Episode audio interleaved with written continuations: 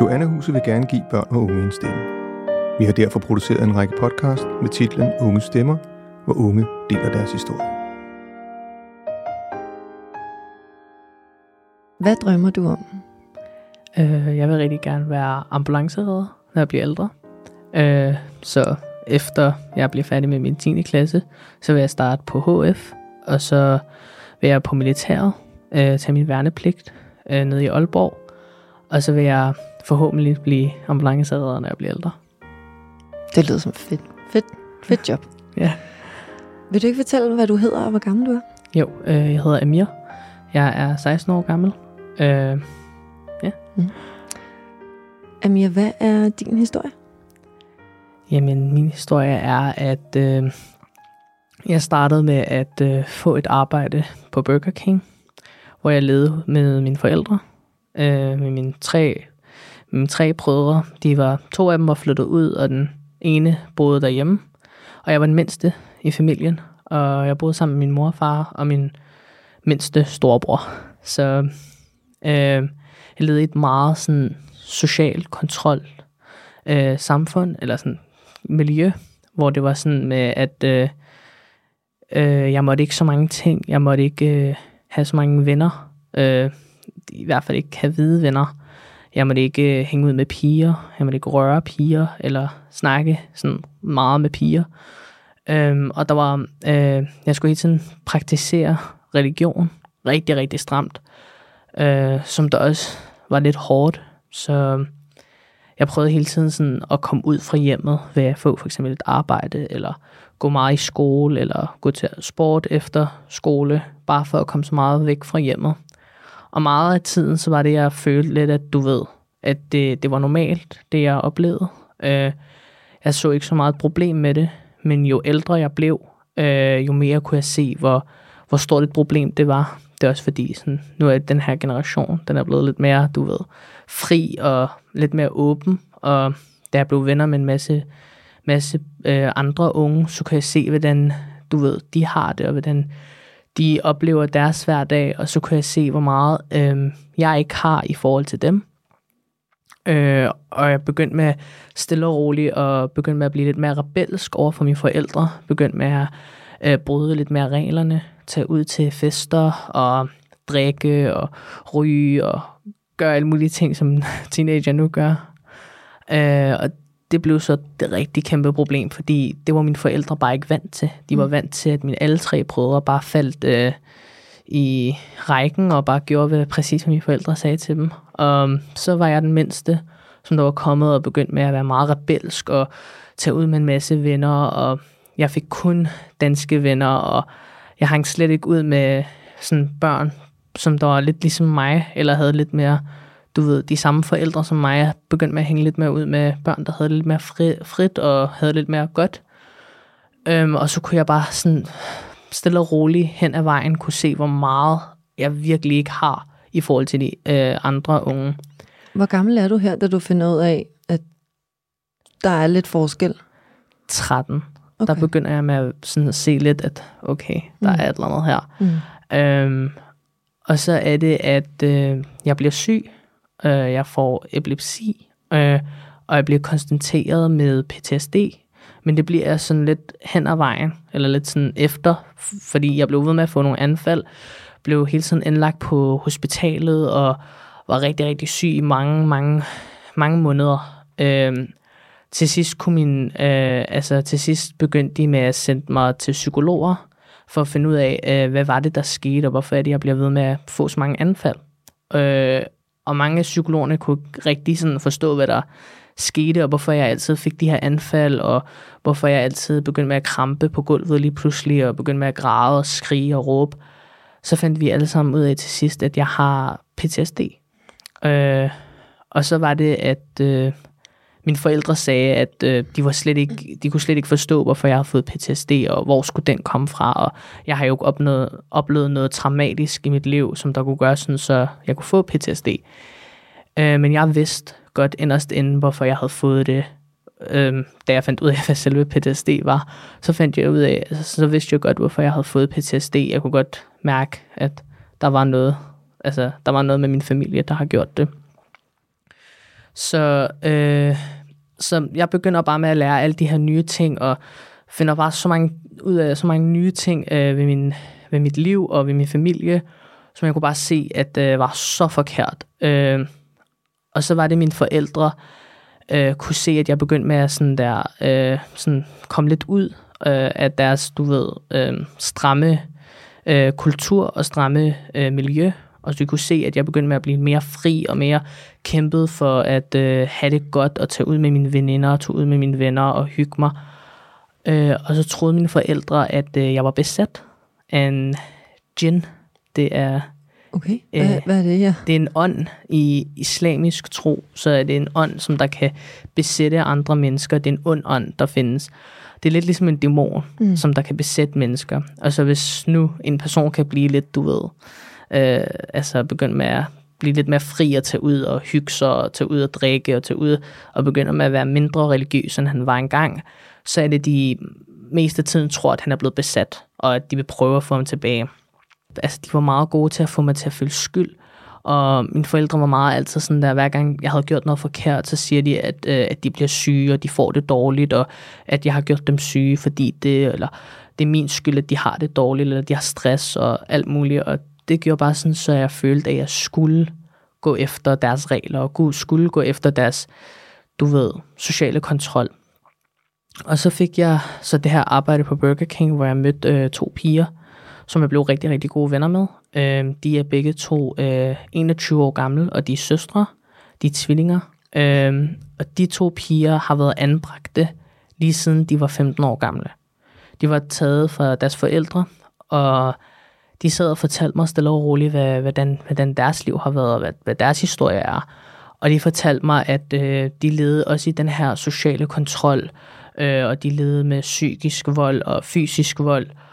Og altså mange af de ting, de fortalte mig, kunne jeg genkende. Og jeg kunne se, at okay, wow, vi har faktisk meget til fælles. Vi begge to har oplevet meget af det samme. Og de fortalte mig, at det faktisk slet ikke er i orden. Og de troede også i starten, at det var helt fint, og det var bare vores forældre, der elsker os. Men de kunne se, hvor, altså, hvor slemt det var, og så valgte de at fortælle det hele til kommunen, og så blev de anbragt og blevet taget på et uh, safe house. Mm. Og boede der et stykke tid. Øh, og så blev jeg bare virkelig, virkelig gode venner med de her to piger og hang meget ud med dem. Øh, så kommer der den dag, hvor øh, jeg kommer hjem. Øh, jeg kan ikke, min mor er ikke hjemme, øh, så jeg spørger efter min mor. Det er kun min bror og min far, der er hjemme. Øh, og min mor har taget ud, øh, taget ned til, taget ud med sine veninder, tror jeg, eller sådan noget. Øh, og så var det, at øh, jeg kunne godt mærke, at der var, altså, huset var meget stille. Og det plejer det ikke at være. Der var noget, der var noget galt, kunne jeg godt mærke. Øhm, og så er det, at øh, jeg ringede til min mor for at spørge hende om, hvor hun var, fordi der var ikke nogen, der rigtig gad at svare mig. Så var det, at hun var meget ked af det, da hun snakkede i telefonen, og hun fortalte mig, at hun var ikke hjemme, hun var taget ud med sine veninder. Og straks der, så kunne jeg godt se, at der var sket noget. Og så vidste jeg, at min far har slået hende. Og det er ikke første gang. Der, er, der har været flere gange, hvor min far har begået vold på min mor.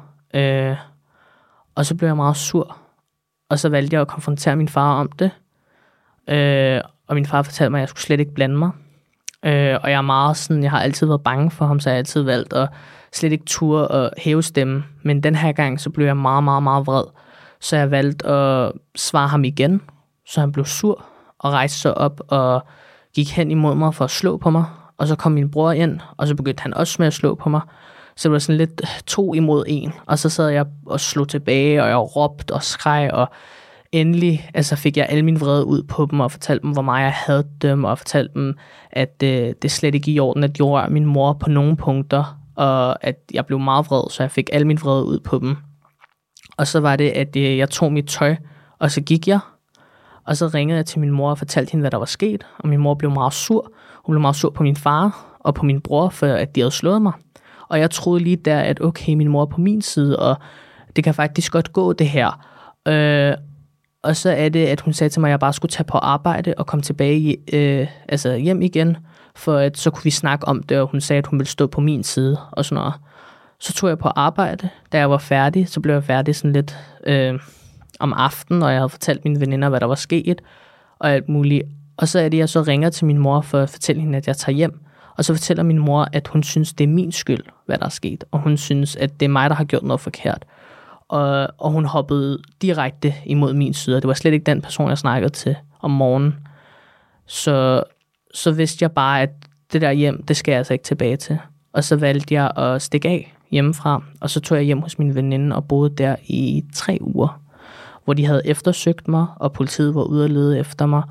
Og i de tre uger var jeg både mega bange, men også virkelig glad, og virkelig sådan, jeg havde virkelig meget frihed. Jeg tog ud og gjorde en masse ting, som jeg slet ikke har fået lov til at gøre før.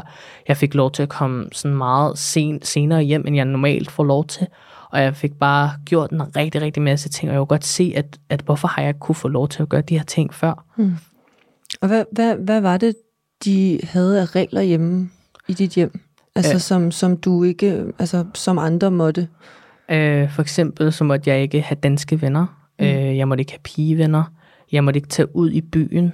Øh, og jeg måtte ikke for eksempel drikke, eller øh, jeg måtte ikke for eksempel øh, sådan der spise i McDonald's for eksempel. Eller der var mange, mange regler, og jeg, jeg skulle være hjemme hver dag kl. 19. Øh, og jeg måtte ikke sidde på min telefon. Øh, de ville tage min telefon hver dag kl. 8 fra mig, og så ville de bare tage den, og så ville de sætte den i, i deres værelse og låse døren, så jeg kan komme ind og tage den, fordi de synes bare, at jeg ikke skal sidde på min telefon for lang tid. Øh, og så, så var der sådan nogle små ting, som jeg virkelig, virkelig, jeg måtte heller ikke besøge venner, jeg måtte ikke sove hos dem, jeg måtte ikke, øh, sådan, ja, Var, måtte ingen af dine brødre det, eller var det kun dig? Nej, det var min, ingen af mine brødre måtte det. Altså, for at være ærlig, så har jeg faktisk fået det mest frihed af alle mine brødre. Mine brødre havde meget, meget strammere regler, end jeg havde. Okay. Så altså, jeg var faktisk den, der blev mest øh, forkælet derhjemme. Og det, mere- det, det, det synes alle, og altså, det synes jeg faktisk også lidt, men det var stadig sådan et meget dårligt liv, jeg levede. Jeg synes ikke, det lyder særlig forkælet, hvis jeg skal Nej. være helt ærlig. Ja, altså. Ja. Men jeg, jeg forstår Ja. det godt, ja. Mm, altså i forhold til mine brødre var jeg meget, meget heldig. Øh, og jeg har fået meget mere frihed, end de havde. Men stadig så havde jeg jo slet ikke så meget frihed. Og mm. da jeg faktisk begyndte med at få den frihed, kunne jeg se, hvor, hvor forkert det var at bo derhjemme. Og jeg kunne se, at jeg skulle slet ikke tilbage til den lejlighed. Øh, og så gik der de her to uger, hvor jeg bare havde det rigtig godt. Og så den tredje uge, så begyndte det hele med at brænde på, fordi at øh, min veninde vidste ikke rigtigt, hvad hun kunne gøre. Hun kunne have mig boende hjemme hos hende for evigt. Så jeg skulle faktisk begynde med at bo ude på gaden. Så jeg ringede til den sociale døgnvagt for at spørge dem om hjælp. Og de kunne ikke se noget anbringelsesgrundlag. Så de valgte at sige til mig, at de kunne ikke rigtig gøre noget. Øh, og så læste jeg lidt, sådan, hvad, hvad jeg skulle gøre, og jeg sådan googlede lidt. Jeg var meget ked af det, jeg vidste ikke, hvad jeg skulle gøre. Jeg var meget i panik, så jeg googlede lidt, og så var det, jeg fandt ud af, at der var et krisecenter på Christianshavn, der hedder Joannehuset. Og så var jeg sådan der, givet hvordan det er, og altså, jeg har ikke noget andet valg. Jeg er nødt til at tage derhen, uanset hvordan det er derovre. Øhm, og så valgte jeg at tage til Christianshavn, øhm, lavede Google Maps og fandt så Joannehuset til sidst. Så, så ringer jeg så på på døren, hvor der står Joannehuset. Og her har du ikke engang talt med dem, eller hvad? Overhovedet ikke. Jeg, okay. er slet ikke sådan, jeg ved slet ikke, hvad det er, og hvem de er. Så jeg ringer bare på døren og tænker, altså, øh, lad os håbe, det bliver godt. Mm. Så, så kommer der en voksen ned, øh, og så har hun bare sokker på. og så kigger jeg bare sådan lidt og tænker, nå, okay, jeg tror bare, jeg har ringet på en lejlighed. Og så er hun bare sådan, ja, kom du bare op. Og jeg er bare sådan, nå, okay. Øh, så jeg bare sådan, så spørger jeg bare for at være sikker, at det her er Joanna-huset. Og så siger de, øh, ja, det er det, øh, og du kommer bare op, og de var mega velkomne. Og, sådan noget, og jeg var sådan, nå, okay, men hvorfor har hun bare sokker på? så hele vejen op ad trappen, så sad jeg bare der og tænkte, hvorfor har hun bare sokker på? Altså, det er et krisecenter, burde hun ikke have sko på, og sådan have en, en du ved, en, de har, hun har meget sådan rart tøj på, hun havde en sweater på, og nogle, altså, nogle, altså meget sådan komfortabelt tøj, og jeg var altid, jeg var sådan, jeg undrede mig bare sindssygt meget over, hvad fanden, hvor, hvorfor det? Altså, hun er på arbejde, skal hun ikke have sådan en uniform på, og øh, vagttøj og alt muligt? Men det var faktisk meget interessant. Hvordan havde du troet, at et krisecenter for børn var? Altså, jeg troede, det var sådan noget med, at jeg ringer på en dør, øh, og så er det, der kommer et hegn, der åbner op, og jeg troede, der var vagter, og de skulle sådan visitere mig og finde ud af, om jeg har øh, våben på mig, eller et eller andet. Altså, jeg troede, det var virkelig sådan der, fordi når man hører krisecenter, så tænker man, det er ikke sådan et godt sted, eller det er ikke sådan et rart sted. Mm. Og så kommer jeg så bare op til Joanna-huset, og det var bare mega fedt, og det var bare et, sådan et hyggeligt hjem at være i, og det var sådan, det var bare sådan, og så var der bare de sødeste voksne, som der bare tog, øh, tog af mig, og bare sådan der fortalte mig, at de skulle nok hjælpe mig, og de var der for mig, og ville hjælpe mig med at blive anbragt, og hjælpe mig med at få det bedre, og de fortalte mig så bare alle deres øh, værdier, og hvad Joannehuset faktisk er, og alt muligt, og jeg følte mig bare så glad, jeg blev så, altså jeg blev så virkelig, virkelig glad for se, at okay, der er faktisk et godt sted, der findes her, og jeg blev altså mega glad for at være på Joanna-huset. Øh, og jeg kunne bare mærke, at de her mennesker, de vil faktisk gerne hjælpe mig. Det er ikke nogen mennesker, der, der vil mig ondt, eller vil mig noget dårligt. Og så begyndte sådan lidt min historie derfra, hvor, øh, hvor Joanne-huset og mig tog til møde efter møde, og sådan hver gang vi var til et møde, og kommunen fortalte mig, at vi anbringer der ikke, der er ikke nogen anbringelsesgrundlag, så blev jeg ved med at tænke, okay, nu kommer Joanna Hus og bare til at sige til mig, så er det synd for dig, du, du må bare finde ud af noget andet. Og det blev bare ved med at sige, at vi gik ikke op på dig, og vi bliver ved og ved og ved og ved, indtil de anbringer dig. Og vi bliver ved med at ringe, og vi bliver ved med at tage til møder. Om det skulle tage 1000 møder, så bliver vi ved. Og jeg, altså, jeg blev altid så glad, og jeg var altid sådan der, jamen, mener de virkelig det? Kommer de til at hjælpe mig? Kommer de til at blive der for mig, indtil jeg bliver anbragt? Og de var bare, ja, og det gør de, og de vil stå ved min side og hjælpe mig, og altså, det var bare virkelig, virkelig rart at have nogle mennesker, som der var der i de her sådan virkelig, virkelig dårlige tider, og meget, meget altså sådan skræmmende tider for mig. Det var altså det er noget af det værste, jeg havde sådan oplevet i mit liv og alligevel var der nogle mennesker, der valgte at stå ved min side og hjælpe mig.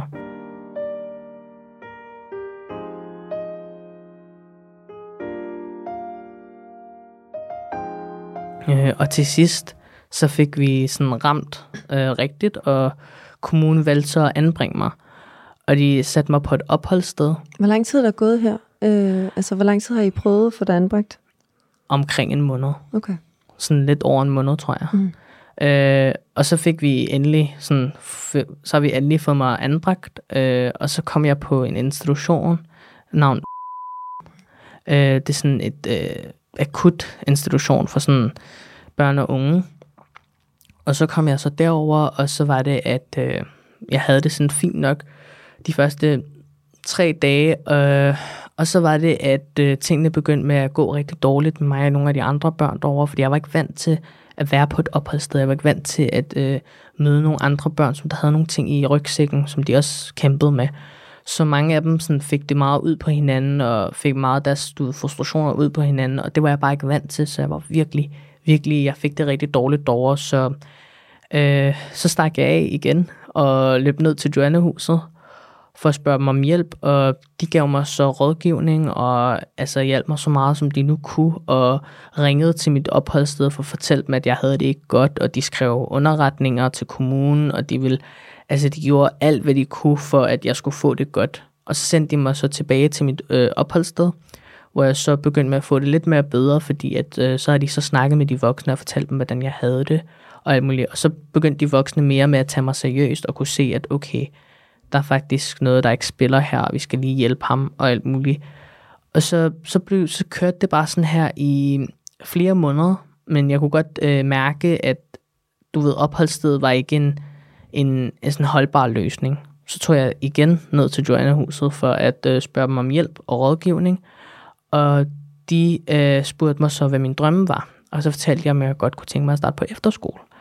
Og så var det, at de så lavede et møde med kommunen, og fortalte dem, at jeg gerne vil starte på efterskole. Øh, og så fik de kommunen til at gå med til det.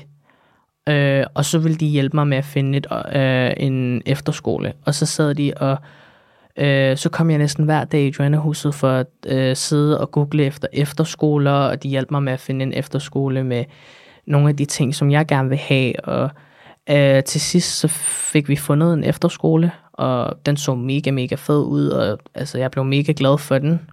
Øh, og så snakkede jeg med kommunen om det, og Joanna Huset kom også med for at snakke med kommunen om det, og de fik mig så sendt på den her efterskole. Og den her efterskole, så havde jeg det også rigtig godt i starten, øh, og så begyndte tingene så med at gå dårligt igen.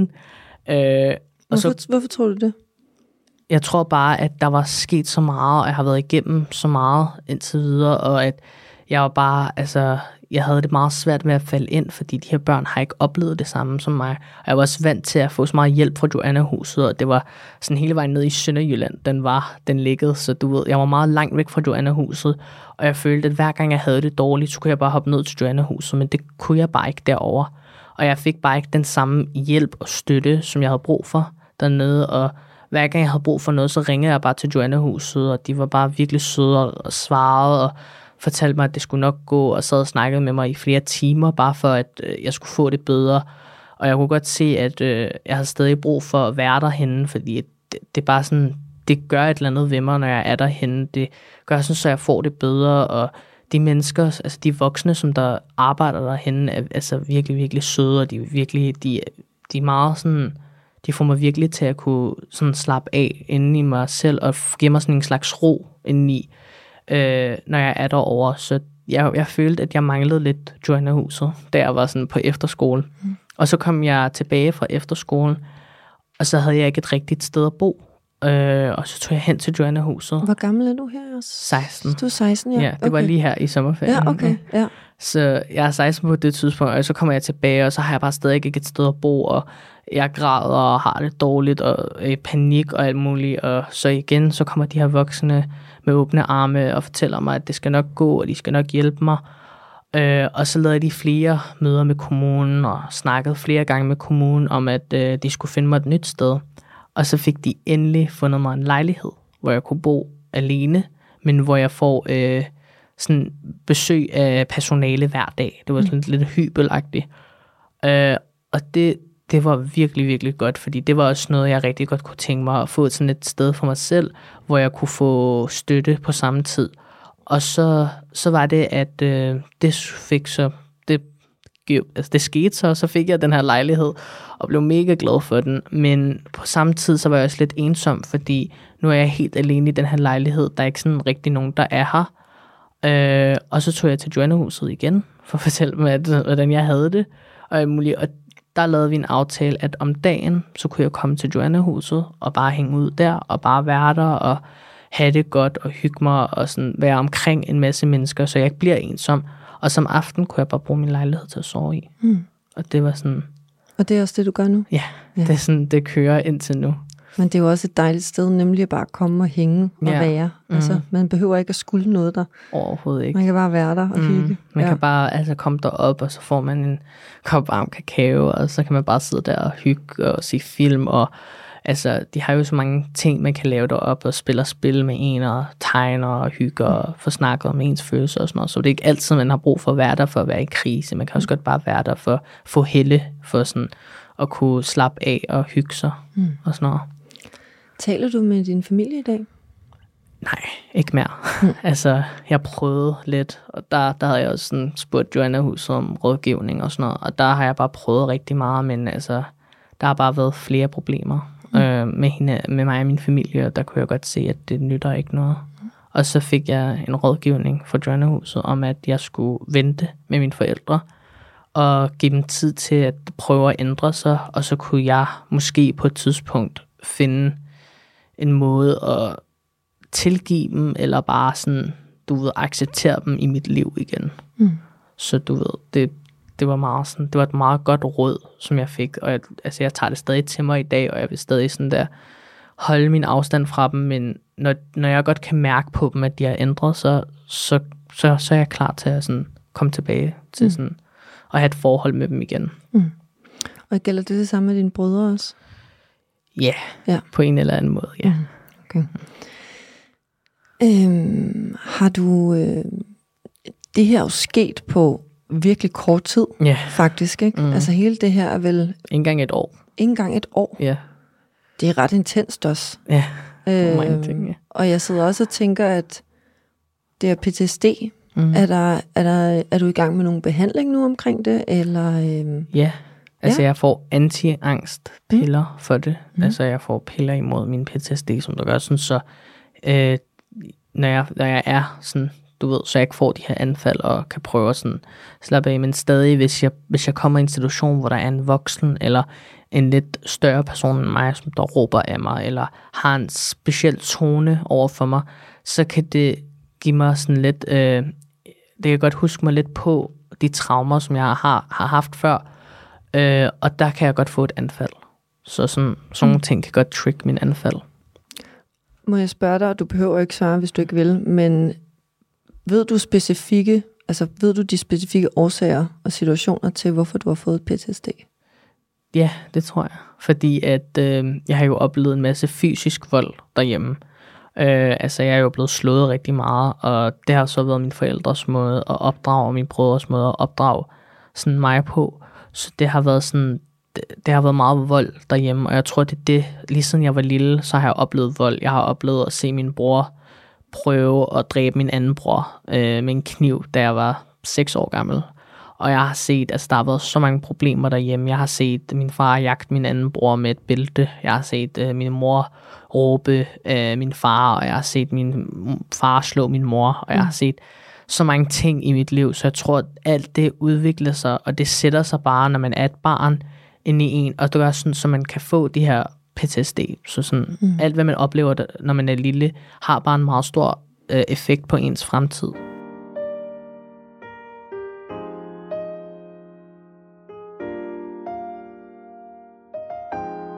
Jamen, hvordan har du det i dag? Um, I dag, så sådan, der er sket så meget, så det har været sådan lidt ligesom en lang tur, jeg har kæmpet, kæmpet med. Altså i dag, så har jeg det meget sådan roligt, fordi at jeg ved, at jeg kan altid bare ringe til Joanna-huset, og jeg får mange, altså sådan, jeg får mange dage, hvor jeg bare slet ikke kan rejse mig op fra sengen, og så har jeg det bare dårligt hele dagen, og så sidder jeg bare der og tuder og har det rigtig dårligt. Og så ved jeg bare, at jeg kan ringe til Joanna-huset, og så gør jeg bare altid det, og det har bare virket hver gang, fordi det er som om, de bare ved, hvad de skal sige, og som om de bare ved, hvad, hvad, hvad der skal ud, før at jeg får det bedre, mm. før at jeg får det sådan. De ved, de kender mig nu så godt, at de ved, hvad de skal sige til mig, og nu kender jeg næsten hver voksen på mm. Joanna-huset. Jeg ved alle deres navne, jeg kender dem, jeg har oplevet alt muligt med dem, altså jeg har været ude og på ture med dem, de har været ude og passe på mig, de har givet mig tøj, de har givet mig altså hjulpet mig med at få et rejsekort, de har hjulpet mig med så mange ting, at det er helt vanvittigt. Altså. Mm. Og så ved jeg altid, at uanset hvor slemt det bliver, så har jeg altid den her, det her kort, Joanna Huset, mm. som jeg altid kan trække frem. Mm. Når du sidder og tænker tilbage på de ting, du har oplevet på relativt kort tid, øhm, og du jo tænker faktisk, at du opdager jo rimelig, altså tidligt også, at der er noget galt. Det har du nok vidst længe, men, mm. men jeg tænker bare, at hvis der sidder nogle børn derude, og ikke kender til Joannehuset, og har siddet i nogenlunde samme situation og familie som din, hvad ligesom, har du et godt råd til dem, som mm. de kan gøre? Ja, altså, hvad, hvad jeg havde meget svært ved, var at stole på mennesker udenfra, jeg har altid bare fået at vide af mine forældre, at alle de her mennesker uden fra hjemmet, de prøver bare at skade dig. Du må ikke fortælle dem, hvad, hvad der sker i vores hjem. De vil bare tage dig væk fra os og ødelægge dig og gøre sådan, så du ikke har en god fremtid og ikke øh, får en god uddannelse. De vil bare gerne prøve at ødelægge dig. Og det vil jeg bare gerne lige sige, at det er ikke rigtigt. Altså, der er mange mennesker ude i verden, som der rigtig gerne vil hjælpe mig og hjælpe sådan alle unge og hjælpe øh, folk med at sådan, få det godt og have et godt liv. Og sådan, og sådan Joanna-huset vil jeg sige, at man skal bare prøve at give det en chance. Når man hører om et krisecenter, så bliver man bange, men når man kommer derop, så tænker man bare, what, er det her et krisecenter? Altså, det ligner en klub, eller det ligner sådan et hygge, hyggeligt sted. Hyggeklub. Der er sådan, ja, en hyggeklub, og der er sådan, der er tv, der er sofaer, der er tæpper, der er det hele. Altså, det er bare sådan et hyggeligt sted, hvor du kan både få rådgivning og hjælp, og så kan du også få helle. Så mit råd vil nok være, bare prøve at give det en chance, og prøve at sådan stole lidt mere på folk. Mm. Går du i skole i dag? Øh, jeg starter nu øh, på en 10. klasse, som jeg også har fået hjælp fra Drønnerhuset til at finde mm. herude i Frederiksberg faktisk. Mm, fedt. Mm. Og du vil gerne være ambulanceredder? Ja. Hvorfor vil du gerne det? Fordi at øh, nu er jeg blevet hentet af ambulancen rimelig mange gange, og altså, jeg kan bare virkelig godt lide deres arbejde og den måde, de er på, fordi jeg kan godt lide den måde med, at de sådan beroliger mig og fortæller mig, at alt skal nok gå, og det har jeg bare virkelig, virkelig, det kan jeg virkelig godt lide ved dem, og det vil jeg også gøre, når jeg bliver ældre. Prøve at give den der ro til en anden person. Og jeg ved også, at jeg vil gerne vil arbejde i Joanna-huset, når jeg bliver ældre. Det kan jeg også godt mærke, at det vil jeg rigtig gerne. Mm. Sådan give det, hvad jeg har fået til andre unge mennesker. Det synes jeg er rigtig fint. Mm. Jamen, tusind, tusind tak, fordi du kom og ville dele din historie. Det var så lidt. Podcasten Unge Stemmer blev produceret af Joanna Huset. Danmarks eneste krise- og rådgivningscenter for børn og unge. Mit navn er Emilie Lilja.